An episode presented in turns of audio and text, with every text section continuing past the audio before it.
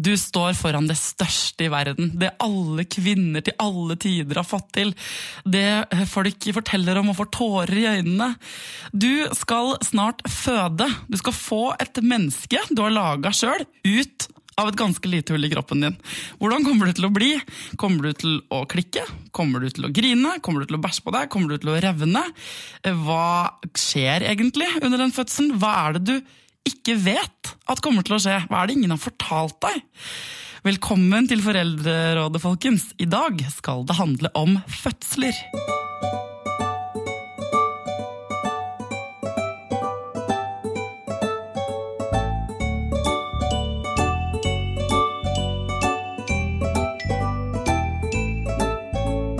Hjertelig velkommen til Foreldrerådet, helsesøster Tone Anderå. Tusen takk.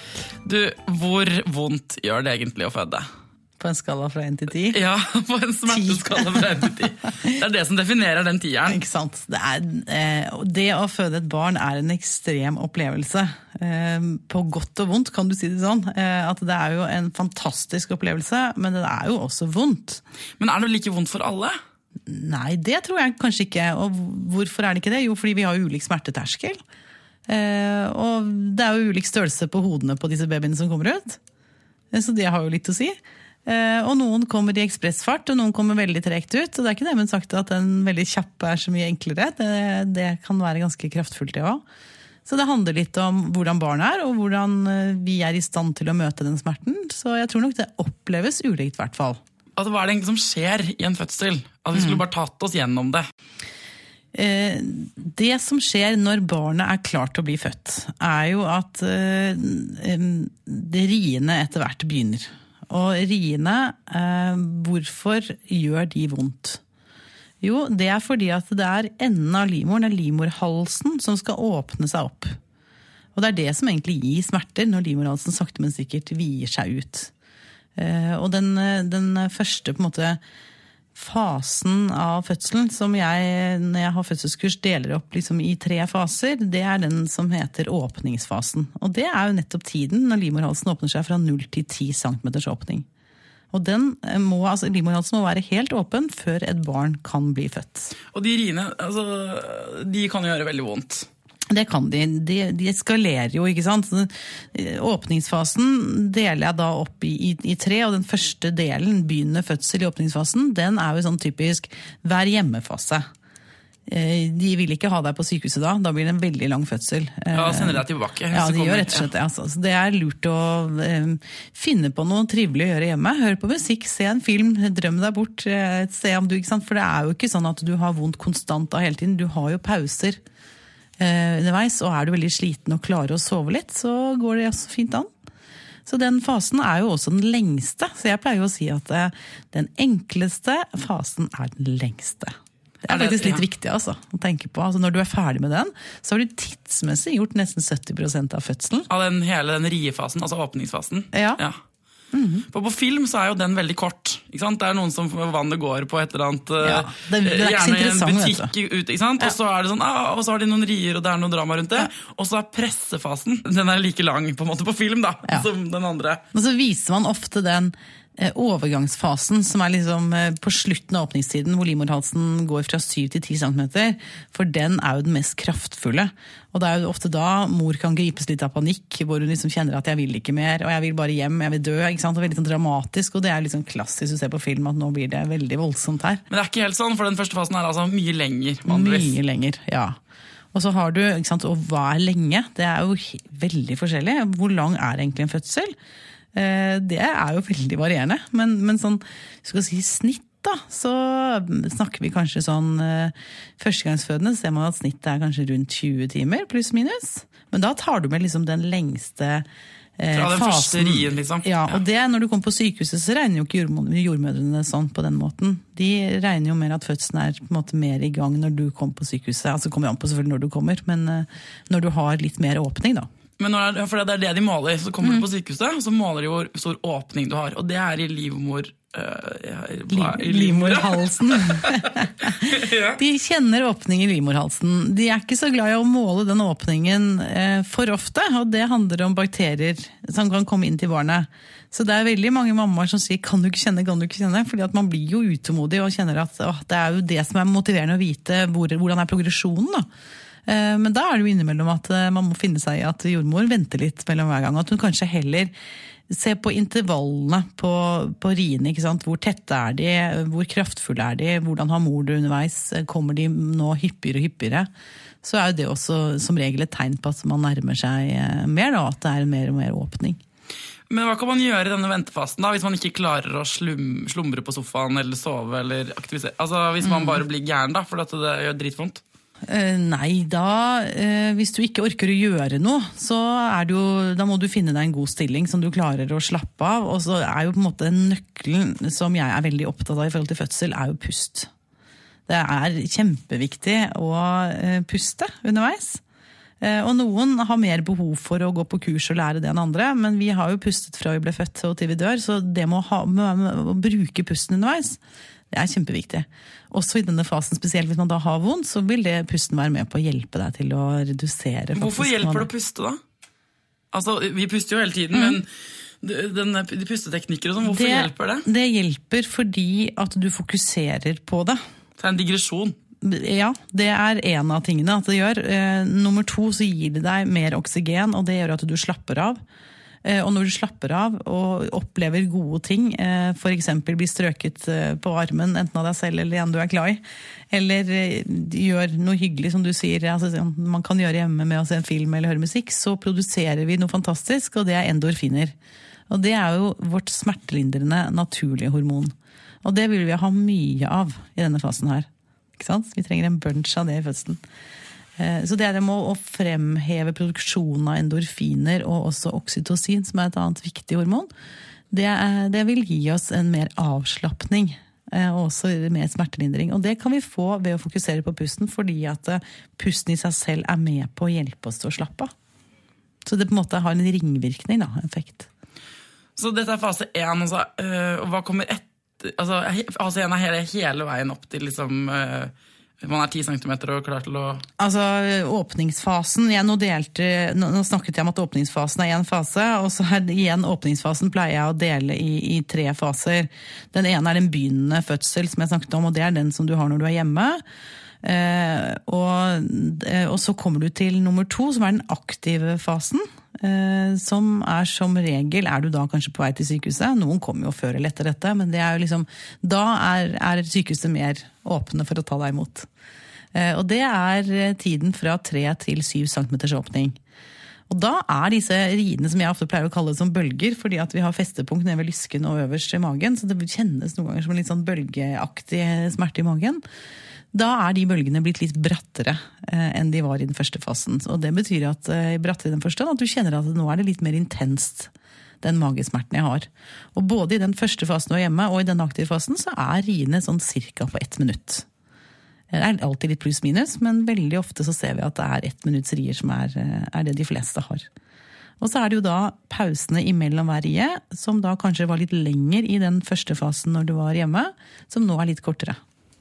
De sa til meg da jeg fødte sånn, øh, jeg spurte, hvor lenge skal jeg holde på med dette. Så de, vi, vi regner sånn én centimeter per time. Ja.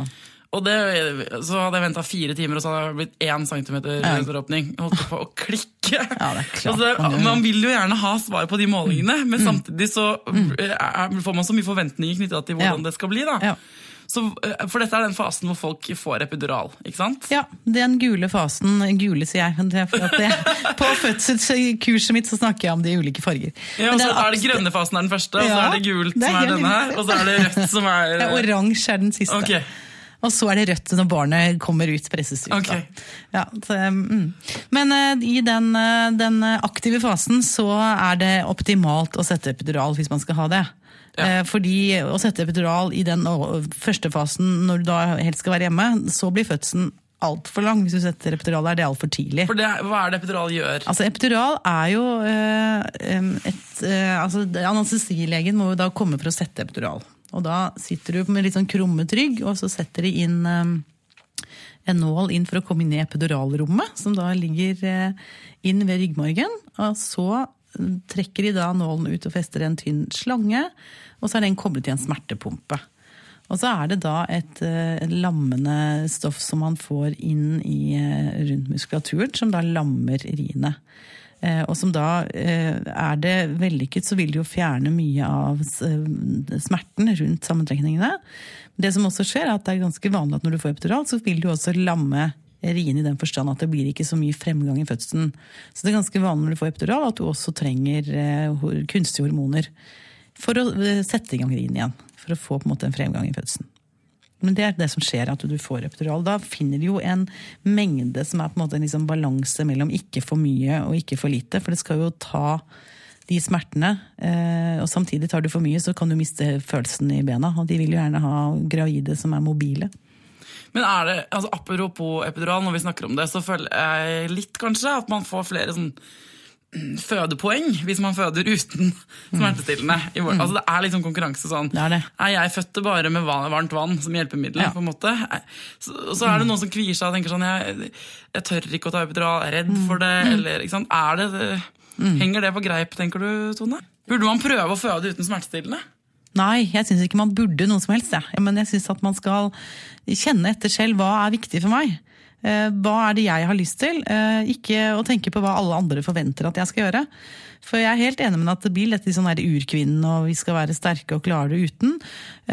Og jeg tenker at naturlig fødsel er veldig bra. Jeg har selv erfaring med det med mine tre barn. Men, men alle fødsler er forskjellige, så jeg er veldig opptatt av å ikke si at de som er flinke til å føde, er de som gjør det naturlig. Altså, det blir jo helt galt å si. Pluss at en fødsel kan vare i 40 timer, og en kan vare i 5 timer. Og noen kan tåle mye smerte, og andre og ikke det. Så jeg tenker det er også en, en ganske sånn stor forskjell på at kjenn etter i deg selv, og ikke bry deg så mye om hva alle andre tenker og føler, eller hva nettet forteller deg om det ene og det andre rundt det. Og også kanskje litt i at selv om du har bestemt deg for at du ikke skal ha det, for Mm. Eller at du har at du skal, altså bestemt deg for noe på forhånd, så kan du få lov, er lov å skifte mening Helt underveis. klart, selvfølgelig kan du det. Ja. Det er ikke skrevet i stein noen ting. Hvis du på en måte har tenkt at dette skal jeg unngå, at du ender med det, så er det helt fint. Så det gjør ingenting. Og så er det vanskelig for deg også å vite hvordan blir den fødselen. Du kan jo planlegge det og ha tenkt det på forhånd, men vet du egentlig hvordan, hvordan det blir? Det kan du ikke vite før du står midt oppi det. Og kanskje du da reagerer på en annen måte, eller at det blir lenger enn det du trodde. Og at du kjenner at nå er jeg helt tom. Så noen kan jo ha hatt litt sånn rier som kommer og går i noen døgn uten at det har blitt noe fødsel, og så er det kanskje tredje eller fjerde dagen hvor virkelig fødselen setter i gang, og da er man helt utslitt. Og da tenker jeg at epidural kan være veldig fint, fordi at man trenger rett og slett å, å samle krefter. Er det noe annet man kan gjøre da for å, i denne fasen for smertelindring? Å ja, masse. Hva da? Pust nevnte du. Pust kan du. Eh, massasje er kjempefint og lindrende. Det er jo, Når man har rier, er det jo ofte et sånt belte rundt lysken og i korsryggen. sånn Rundt hele veien foran og bak, som man kjenner godt at kan gjøre vondt. Så det å, å bli strøket på eller massert spesielt i korsryggen, er det mange som opplever som ganske smertelindrende i seg selv. Og så er det akupunktur. Så er det akupunktur, og det er også en veldig sånn enkel ting å teste ut. For funker det ikke, så er det bare å fjerne nålene. Så den effekten går jo på en måte ut når man fjerner det. Så det er fint å bruke, og det er jo alltid en jordmor på vakt som har den utdanningen, sånn at de kan sette det. Og så er det jo vann, ikke minst. Vann er jo genialt. Og da mener jeg ikke kaldt vann, men mer varmt vann. Det å stå i dusjen, ligge i badekaret, eller bruke en varmeflaske, eller varme kluter, men det der å kjenne vann nederst på magen og i lysken foran og også i korsryggen er veldig lindrende. Og så pleier jeg å si, ja, nå glemte jeg nesten det viktigste, Ja. det viktigste smertelindringsmiddelet jeg tror jeg vet om, det er å ha med seg en partner. Om det er pappa eller hvis man ikke har en pappa, men det er en mamma. altså ja, Nå hørtes det litt feil at du skal ha med din egen mamma og pappa. Nå mente, nå mente annet annet menneske som du er glad i. Ikke sant? En som, ja, Kjæresten din eller venninnen din eller søsteren din eller noen, noen som er viktig for deg. Jeg tenker Det å være et team og at det er en som kan være med å støtte deg underveis i fødselen, det har en kjempeviktig effekt. fordi at eh, Hvis man da har snakket litt sammen på forhånd, kanskje man har valgt å gå på et fødselskurs og forberedt seg litt, eller om man velger å snakke om det sammen og liksom tenke litt hva er min rolle, hva trenger du av meg? Så er det veldig trygghet for den kvinnen som skal føde, å kjenne at, eh, at jeg er ikke helt alene, jeg skal gjøre jobben, men det er en som står sammen med. Og det gjør at hun slapper mer av, og det fører igjen til mer av gode hormoner. Så det er viktig. Og så Når man har kommet til 7 cm, da, og det var siste fasen i den første store fasen 10 centimeter. Ja, 10 centimeter. Ja. Da er du ferdig på en måte med eh, den første delen, ja. Altså, som er liksom åpningsfasen. Da er det jo det, og det er jo litt sånn underlig, for da har du kanskje hatt eh, sammentrekninger i Altså rier da, i eh, la oss si da, 12 timer, kanskje 18 timer. Det kan være mange timer, og du liksom begynner å bli ganske vant til at det kommer og kommer. Eh, selv om du er veldig sliten av det. Men så plutselig så skjer det noe helt annet. Hos noen så kan man kjenne at alt stopper opp, at det blir helt stille, at du ikke har vondt i det hele tatt. Eh, og at ingenting skjer. Så tenker man dette var da rart. Hva er det for noe? Det kan være at barnet ikke har kommet så langt ned i bekkenet, så da har du faktisk en liten pause før barnet skal komme ut. Eh, og hvis man opplever det, så ville jeg bare tenkt legge seg ned og hvile. eh, Og samle krefter. For nå kommer jo en annen eh, viktig fase, og det er den som kalles utdrivningsfasen, ikke utrivningsfasen. Det er viktig for oss. Da skal barnet ut, og da er jo jordmor veldig tett på. Så man ikke, om man ikke har jordmor inne hele tiden fra man har kommet til denne aktive fasen, for da har jordmor gått litt mer inn og ut, så er dette en fase hvor hun eh, gir veldig tydelige instruksjoner og veileder deg underveis. Eh, Så det er jo mange som opplever som en ganske god fase. fordi i forhold til det med å ha, som Vi kvinner er jo veldig glad i å ha behov for, har et høyt behov for kontroll. Og underveis i fødselen så må man jo ofte slippe kontrollen, som mange kvinner syns er vanskelig. Eh, I denne fasen her så har du kanskje litt mer sånn at nå jobber jeg litt med selv. Det er ikke bare å henge med kroppen, men nå kan jeg styre litt og presse og hjelpe barnet ut. Er det sånn at man må tenke aktivt på at man skal presse, eller kommer du til å presse uansett? Du presser uansett. Det kommer, og For oss så blir det jo, når man ikke har født, hva skal du sammenligne med? Det er jo som å gå og bæsje en eh, Altså, enorm Kan vi bare si det så tydelig? For at eh, jeg har født, og det var det ingen som fortalte meg. Jeg skulle ønske noen hadde fortalt meg, for jeg insisterte plutselig. sånn, nå må jeg på do. Og alle rundt meg i det rommet sa sånn, det, det er ikke det du må. Jo, og ut av den senga med den svære magen og kroppen og styr og stå. Og selvfølgelig var det ikke det, men ingen hadde fortalt meg at det som føltes som jeg måtte på do, det var en baby. Ja, ikke sant? Og du kan tenke deg, barnet ligger jo Er ikke det herlig, ja? men, det, men det var så, Det er greit å vite på forhånd. Ja, for Ja. det, er jo samme område. Altså hva som er hva i det området på det tidspunktet. Ja, ja. Det er ikke mulig. Men, og barnet ligger jo så langt ned i bekkenet, og det ligger jo og presser på tarmen. Så det er ikke rart du kjente det. Fordi at hodet skal jo på en måte ut gjennom bekkenet, og du er ganske sånn tett mellom både urinblæren og, og endetarmen. Så at man kjenner at jeg må det ene og det andre, det er ikke veldig rart. Og det er mange som har spurt, ikke sant? Folk spør sånn, hvordan var det, hvordan var det, hvordan var det? Og den fasen er det jeg tror folk lurer mest på, litt hvordan er. Mm. For det er jo det mest dramatiske på en eller annen måte, for da kommer jo barnet ut. Ikke sant? Og da er det jo sånn at, eh, for- det jeg pleier ofte å si til partnere, er minn henne på å tisse i den derre eh, begynnende fasen hvor du er hjemme, og også i den aktive fasen når du er på sykehuset. Eh, Fordi at da er det ikke så lett å skille mellom har jeg en full urinblære, er det noe som presser lenger ned? For du har jo liksom, liksom regelmessig vondt i magen hele tiden, så du kjenner ikke helt hva som er hva.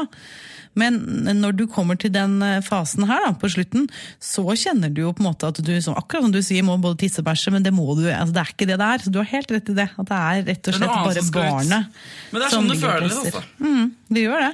Og da er det, hva gjør man? Jo, altså det, det kommer, som du spurte om, det kommer jo litt av seg selv. At du får en sånn enorm kraft som tror jeg kommer liksom, du føler nesten at den kommer fra oversiden av hodet ditt og velter liksom over deg. Og så må du jo henge med, men du har også mulighet til å bruke eh, magemuskulaturen din.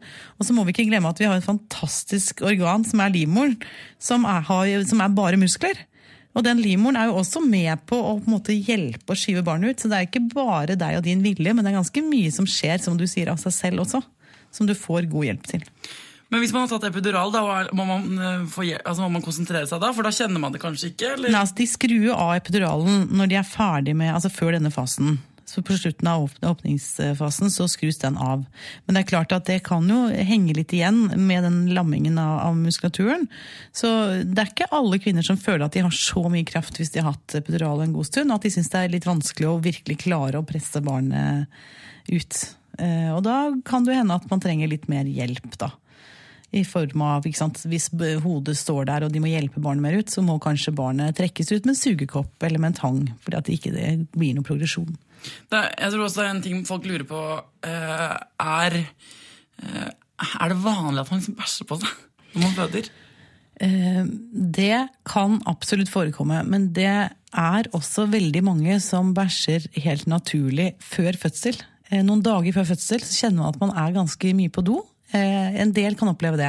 Og det er nettopp fordi at barnet har sunket såpass langt ned i bekkenet at det vil naturlig presse på tarmen noen dager før fødsel. Og da vil du på en måte tømme det, tarmen din helt naturlig. Men er det et tips liksom, å spørre om klyster eller hvis man er nervøs for dette her, da, og, og at man passer på at man får gått på do og sånn? Det liksom Ja, minner de deg på det på sykehuset og sånn? Ja, de gjorde det. Da var det litt sånn rutinemessig gjorde de det før. Pri alle at de tilbød klyster. Det gjør de ikke nå, men du får det absolutt hvis du vil ha det. Jeg gikk jo selvfølgelig og bekymret meg masse for at de skulle bæsje på meg før første fødsel. Jeg syntes det var skikkelig pinlig, og det var liksom en av mine største bekymringer.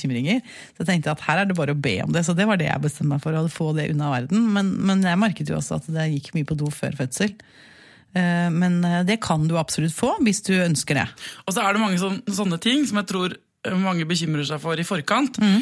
Og i situasjonen så eh, Det høres rart ut, men det, det er ikke viktig. I det øyeblikket hvor du ligger der, så føles jo ikke det så veldig viktig. Nei. Da har du jo så vondt, eller ting er så Absolutt. intenst at Du er, du er på en måte så konsentrert og er egentlig et, et helt annet sted at du tenker ikke på det. Og hvis det skulle skje, så merker du det ikke, fordi jordmødrene er jo superflinke og proffe, og dette her er de jo vant til, så det vil jo bli fjernet eh, fortere enn svint. Liksom. Så du, jeg tror ikke det blir noe issue i det hele tatt, og partneren din vil heller ikke få det med seg. Så, så prøv å liksom senke den bekymringen der. Jeg skjønte jo det selv. Ok, så skal babyen ut. Hva er det som skjer da? Da man kjenner pressingen. og Hvor lenge varer den pressinga? Den kan vare fra fem minutter til en time. Fem minutter! Ja, Noen kan ha veldig kort, eh, altså, kort periode med presserier. De, de fleste har jo litt mer enn det. Eh, Men det som skjer er at du kjenner det kommer en pressrie, og når du da trekker pusten og presser nedover, så kan du liksom, vi skal tenke sånn cirka hvor lenge varer en presserie, så kan du telle sakte til fem. Det er sånn omtrent én lengde på én presserie. Det som da skjer, er jo at jordmor er jo da og støtter i åpningen. I, bruker ofte olje og en varm klut, og også hendene for å støtte at ikke det kommer for mye av hodet ut på en gang. Så de holder litt tilbake, liksom? Ja. Hvorfor det? Eh, fordi at, for å unngå revne. Ja, for, For det er- handler jo om at nå er vi jo snakker om at eh, et hode er kanskje sånn i snitt eh, 35 i diameter. da. Noen er mindre og noen er større. Eh, Og når det skal ut av, av vår eh, fødselsåpning, som er i utgangspunktet ja, hva skal vi si? Du lager, tegn, lager et litt- tegn med hånda. Ikke sant? Så det jo, sier det seg selv at eh, her er det mye som skal utvides, og det er jo fullt mulig, men det kjennes jo, og det er ganske viktig å ta vare på huden rundt. Så for de driver og holder på med det, de Ja. jordmødrene. Så når du da driver og, og jobber med å skyve barn nedover, så kan det hende at de sier 'nå må du stoppe', 'nå må du stoppe'. nå må du stoppe. Og det er fordi at de ser at nå kommer det ganske mye hode ut med en gang, og de vil ikke ha så mye hode ut eh, på den rien. Da Og da handler det om å liksom prøve da bruke, sånn. Da kan man godt bruke pusten litt raskere overfladisk pust for å prøve å lukke muskulaturen da. Sånn at Um, huden rett og slett får tid til å utvide seg. Så ikke den, Litt, grann, og så vil den lukke seg, for når du da trekker pusten, og, eh, så går hodet litt tilbake igjen, og da vil det lukke seg. Så kan det motsatte skje, da, at du jobber og jobber og jobber og presser og presser, og så sier hun ikke stopp, men du er helt tom og rød i trynet og har jobba alt du kan, og så sier hun litt til nå, litt til, litt til. Og det er fordi hun gjerne se litt mer hodet. Og da, som vi snakker om, epidural eller ikke epidural, da kan du hente inn urkraften din, som vi alle kvinner har. At da kommer det en sånn reservekraft som du ikke ante at du hadde. Å høre på jordmoren. Altså, de har Det er full det kontroll. alt. Ja, det er det viktigste av alt, egentlig. Ja. Passe på det. Og da vil jo på en måte hodet sakte, men sikkert eh, komme ut. eh, Og åpningen vier seg ut mer og mer. Og så kan det jo også være en periode hvor hodet blir stående i åpningen. eh, Til neste rie kommer. Trenger ikke å ta så lang tid før neste rie kommer, men, men sånn at det er jo hodet som er hoveddelen av fødselen av et barn. For, for når hodet er ute, så er nesten alt gjort. Da kommer resten av kroppen kommer på én rie. Så det er hodet som tar tid, da, med sånn sakte, men sikkert inn og ut. Er dette den vondeste delen? det er veldig individuelt. Noen sier jo, og der har jeg hørt egentlig veldig sånn blandet, altså. Noen sier at de liker denne delen bedre fordi at her kan de styre litt mer selv. Det er litt action. Ja, men så noen sier at «Å, jeg følte at jeg gikk i to, liksom. Så det er klart at det er jo kraftfullt, det er det. Men øh, jeg tror det er litt sånn ulikt øh, med erfaringer der. Og så kommer til slutt da babyen ut. Det gjør den, Og hva er det som skjer da? Ja. Når barnet kommer ut, så vil det jo være en ganske sånn kort periode, men det viktigste av alt er jo at de sjekker at alt er i orden. Så de ser jo etter at barnet eh, gråter, og hvordan hudfarge barnet har, og måtte passe på at, eh, at det ikke ligger noe for eksempel slim foran nese og munn og sånne ting. Eh, Det vil ikke ta så lang tid, og hvis alt er i orden, så får jo mor barnet på brystet. Og det er jo en magisk stund. Helt fantastisk. Da står tiden stille. Da har du jobba, For det første har du gått gravid i ni måneder. Og så har du jobbet i mange mange, mange timer. Og endelig, for første gang, så får du se hvordan det barnet du har lengtet etter, ser ut. Det er jo et menneske som har bodd inni kroppen din. Det er faktisk inni det, vet du. Som du var første gang på møte. liksom. Men så er det viktig også å si i denne fantastiske opplevelsen, så er den veldig veldig sterk og flott, men det er også mange som kjenner at eh, altså, Apropos dette med morsfølelse, at de kjenner at vet du hva, jeg syns ikke den var så flott en stund, for jeg var helt utslitt. Og jeg hadde ikke noe glede, for jeg, var på en måte så vidt jeg hang sammen. Så det er også sånn, apropos, vi har snakket om med skam, altså det der med å kjenne på at det er ikke noe riktig og galt her. Noen kjenner på en sterk glede, mens andre kjenner på ah, nå er jeg ferdig, liksom. På film er det jo bare den sterke gleden. Ja. Jeg var litt mer sånn jøss, her var du! Jeg var, Dette var rart. Yes, var- du var krøller, det var veldig rart. Sånn, sånn. Sånn Og så er det og andre igjen som, ikke, som kanskje bare ikke orker å forholde seg til det nesten, for de er så slitne. ikke sant? Ja. Og alt det tenker jeg at uh, Ja, det er fint at du sier det. For Mm. At man ikke tror man må liksom smelte og, og, av kjærlighet i første øyekast. Nei, og morsfølelsen kan faktisk ta ganske lang tid før den kommer.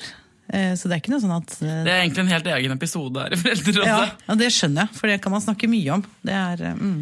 Men når barna er ute, det, som, her er det også tenker jeg, noe fort gjort å glemme å fortelle folk. For det er ikke, du er ikke helt ferdig med fødselen, selv om babyen ligger på brystet ditt. Fordi at da kommer jo den fasen hvor du har nærheten, hvor dere er sammen. Um, Klippe navlestrengen og sånn. ja, etter hvert gjør de det. Det har jo vært mye snakket om, så det har man jo, venter man jo lenger med nå enn det man gjorde før. Man klippet den mye kjappere før, men man venter lenger fordi man vet at det er så viktig næring i navlestrengen. Selv om barnet har begynt å puste selv, så er det lurt at den er der litt til. Så man gjør ikke det så raskt som man gjorde før. Eh, Men når det er skjedd, eh, og man fortsetter at barnet ligger på brystet, så vil jo Det er jo noe mer som skal ut. Morkaka. Eh, Det, ja, det er rett og slett navlestrengen og morkaken.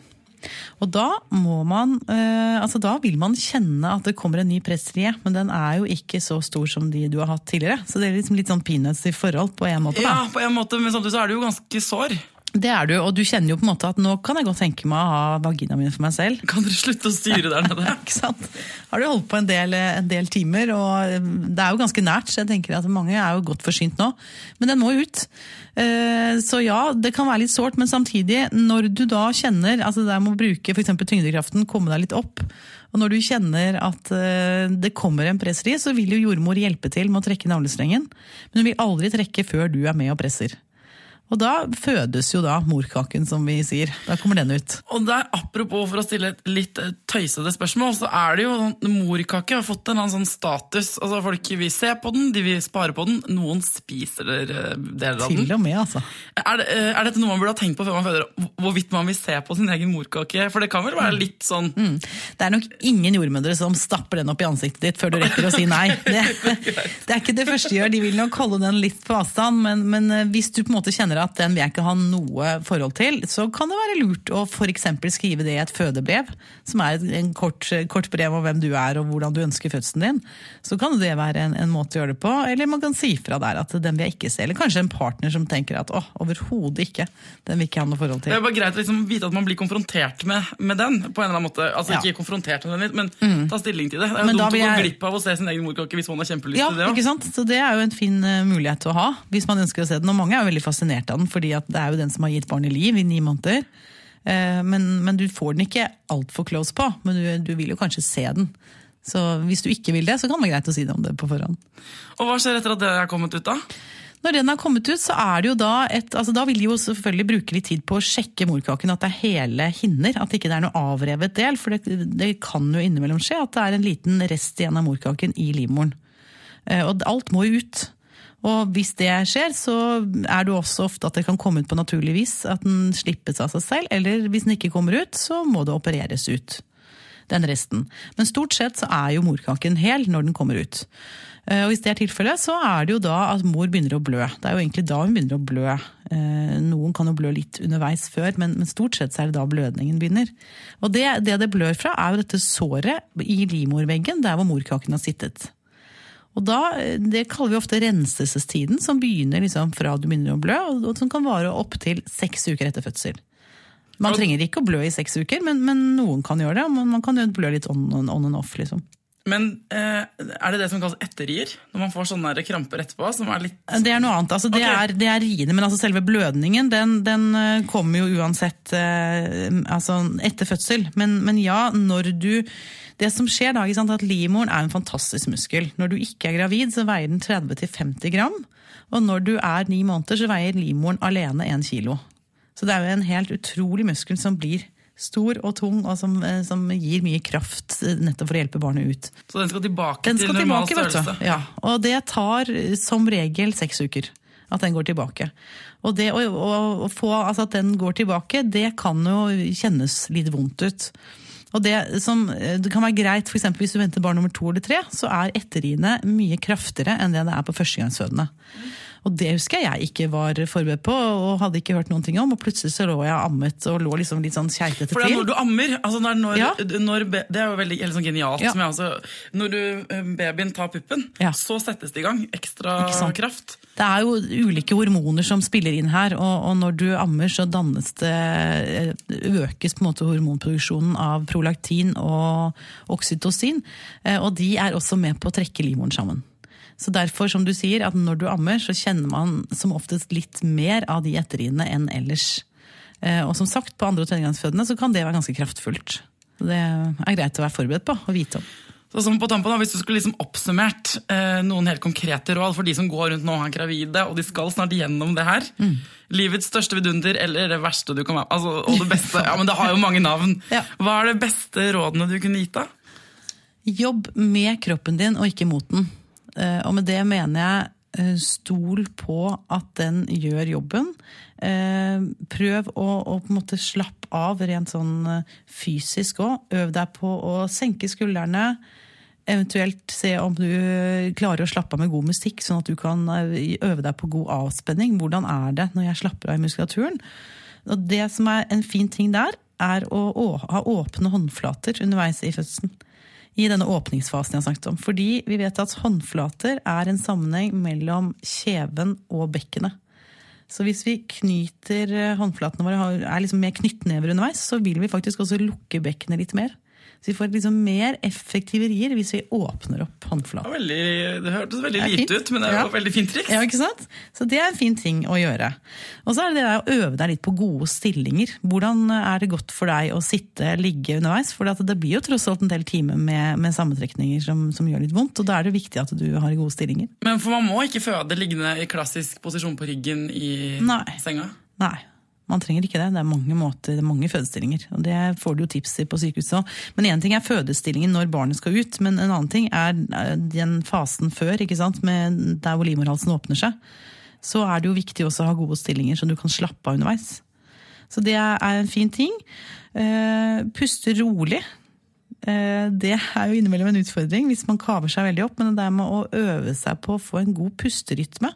Gjerne inn med nesen og ut med munnen. Og grunnen til at jeg sier det med uten munnen, da har du også litt fokus på dette med kjeven. ikke sant? At du prøver å slappe av i kjeven. Så, så slappe av. Um, og, og, finne dine måter å slappe av på. Og så uh, tenker jeg at du øver deg på å samarbeide med partneren din. Og det er det mange uh, artige opplevelser jeg har hatt med par hvor liksom de står og småkrangler på kurs, og jeg sier at det er så bra, gjør det nå, istedenfor å gjøre det underveis i fødselen. Ja, men kunne man gitt, liksom... Eh, gitt, et lite tips til partneren, den som da ikke føder, om det er mann eller kvinne som er der inne, at uh, det er vel den som føder som bestemmer i den situasjonen? Det har du helt rett i. det er, er regelen, på en måte. Jeg er helt enig. Men det er også lurt å ha forberedt seg litt ikke sant? og finne ut av ok, hva liker jeg. Liker jeg å bli massert i korsryggen når jeg har vondt i magen? Vil jeg ha partneren veldig tett på, eller vil jeg ha litt space selv? Eh, hva er det jeg trenger når jeg er litt utafor? Hvordan reagerer jeg når jeg er redd? Vil jeg at partner skal hente jordmor? Litt sånne ting å snakke om. Hva er viktig for meg i en situasjon som jeg aldri har vært i før? Sånn at man blir et dream team. Det er veldig viktig. Dette temaet her er det man er mest opptatt av når man går gravid. Så Hvis eh, noen av de der ute har flere spørsmål, og vi får svar på dem, så tenker jeg at man må bare sende inn. Gå inn på Foreldrerådet-siden eh, på Facebook, og så kan vi invitere deg tilbake, Tone Andra. Det er klart du kan det. Jeg kommer gjerne igjen. Det er veldig hyggelig, for her er det veldig mye Dette å spørre om. Dette kan vi snakke om i lang tid. Det kanskje viktigste jeg kan si til slutt, er eh, stol på deg selv. Det er viktig, altså.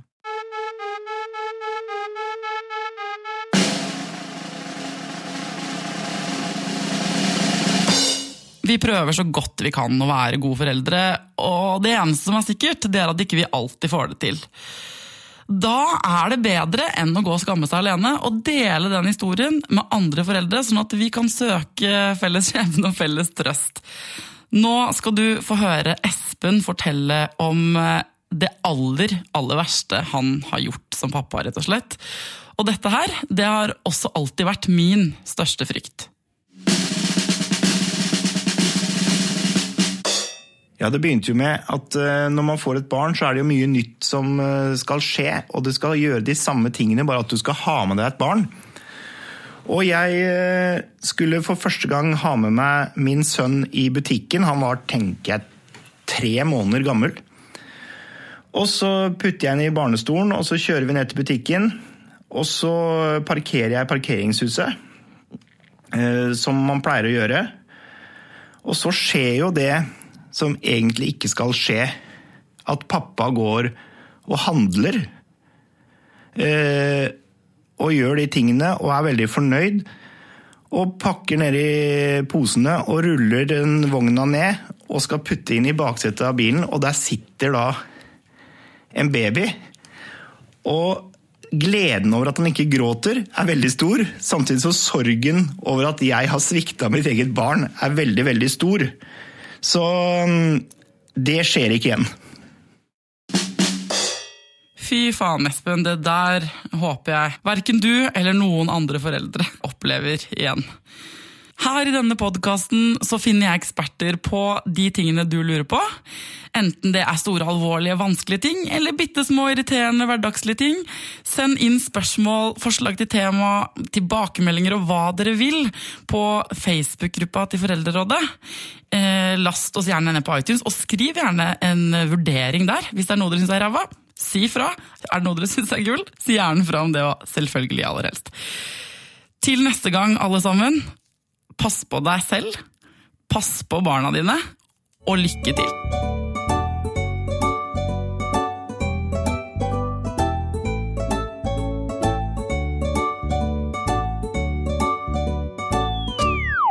Produsert av Rubicon Radio.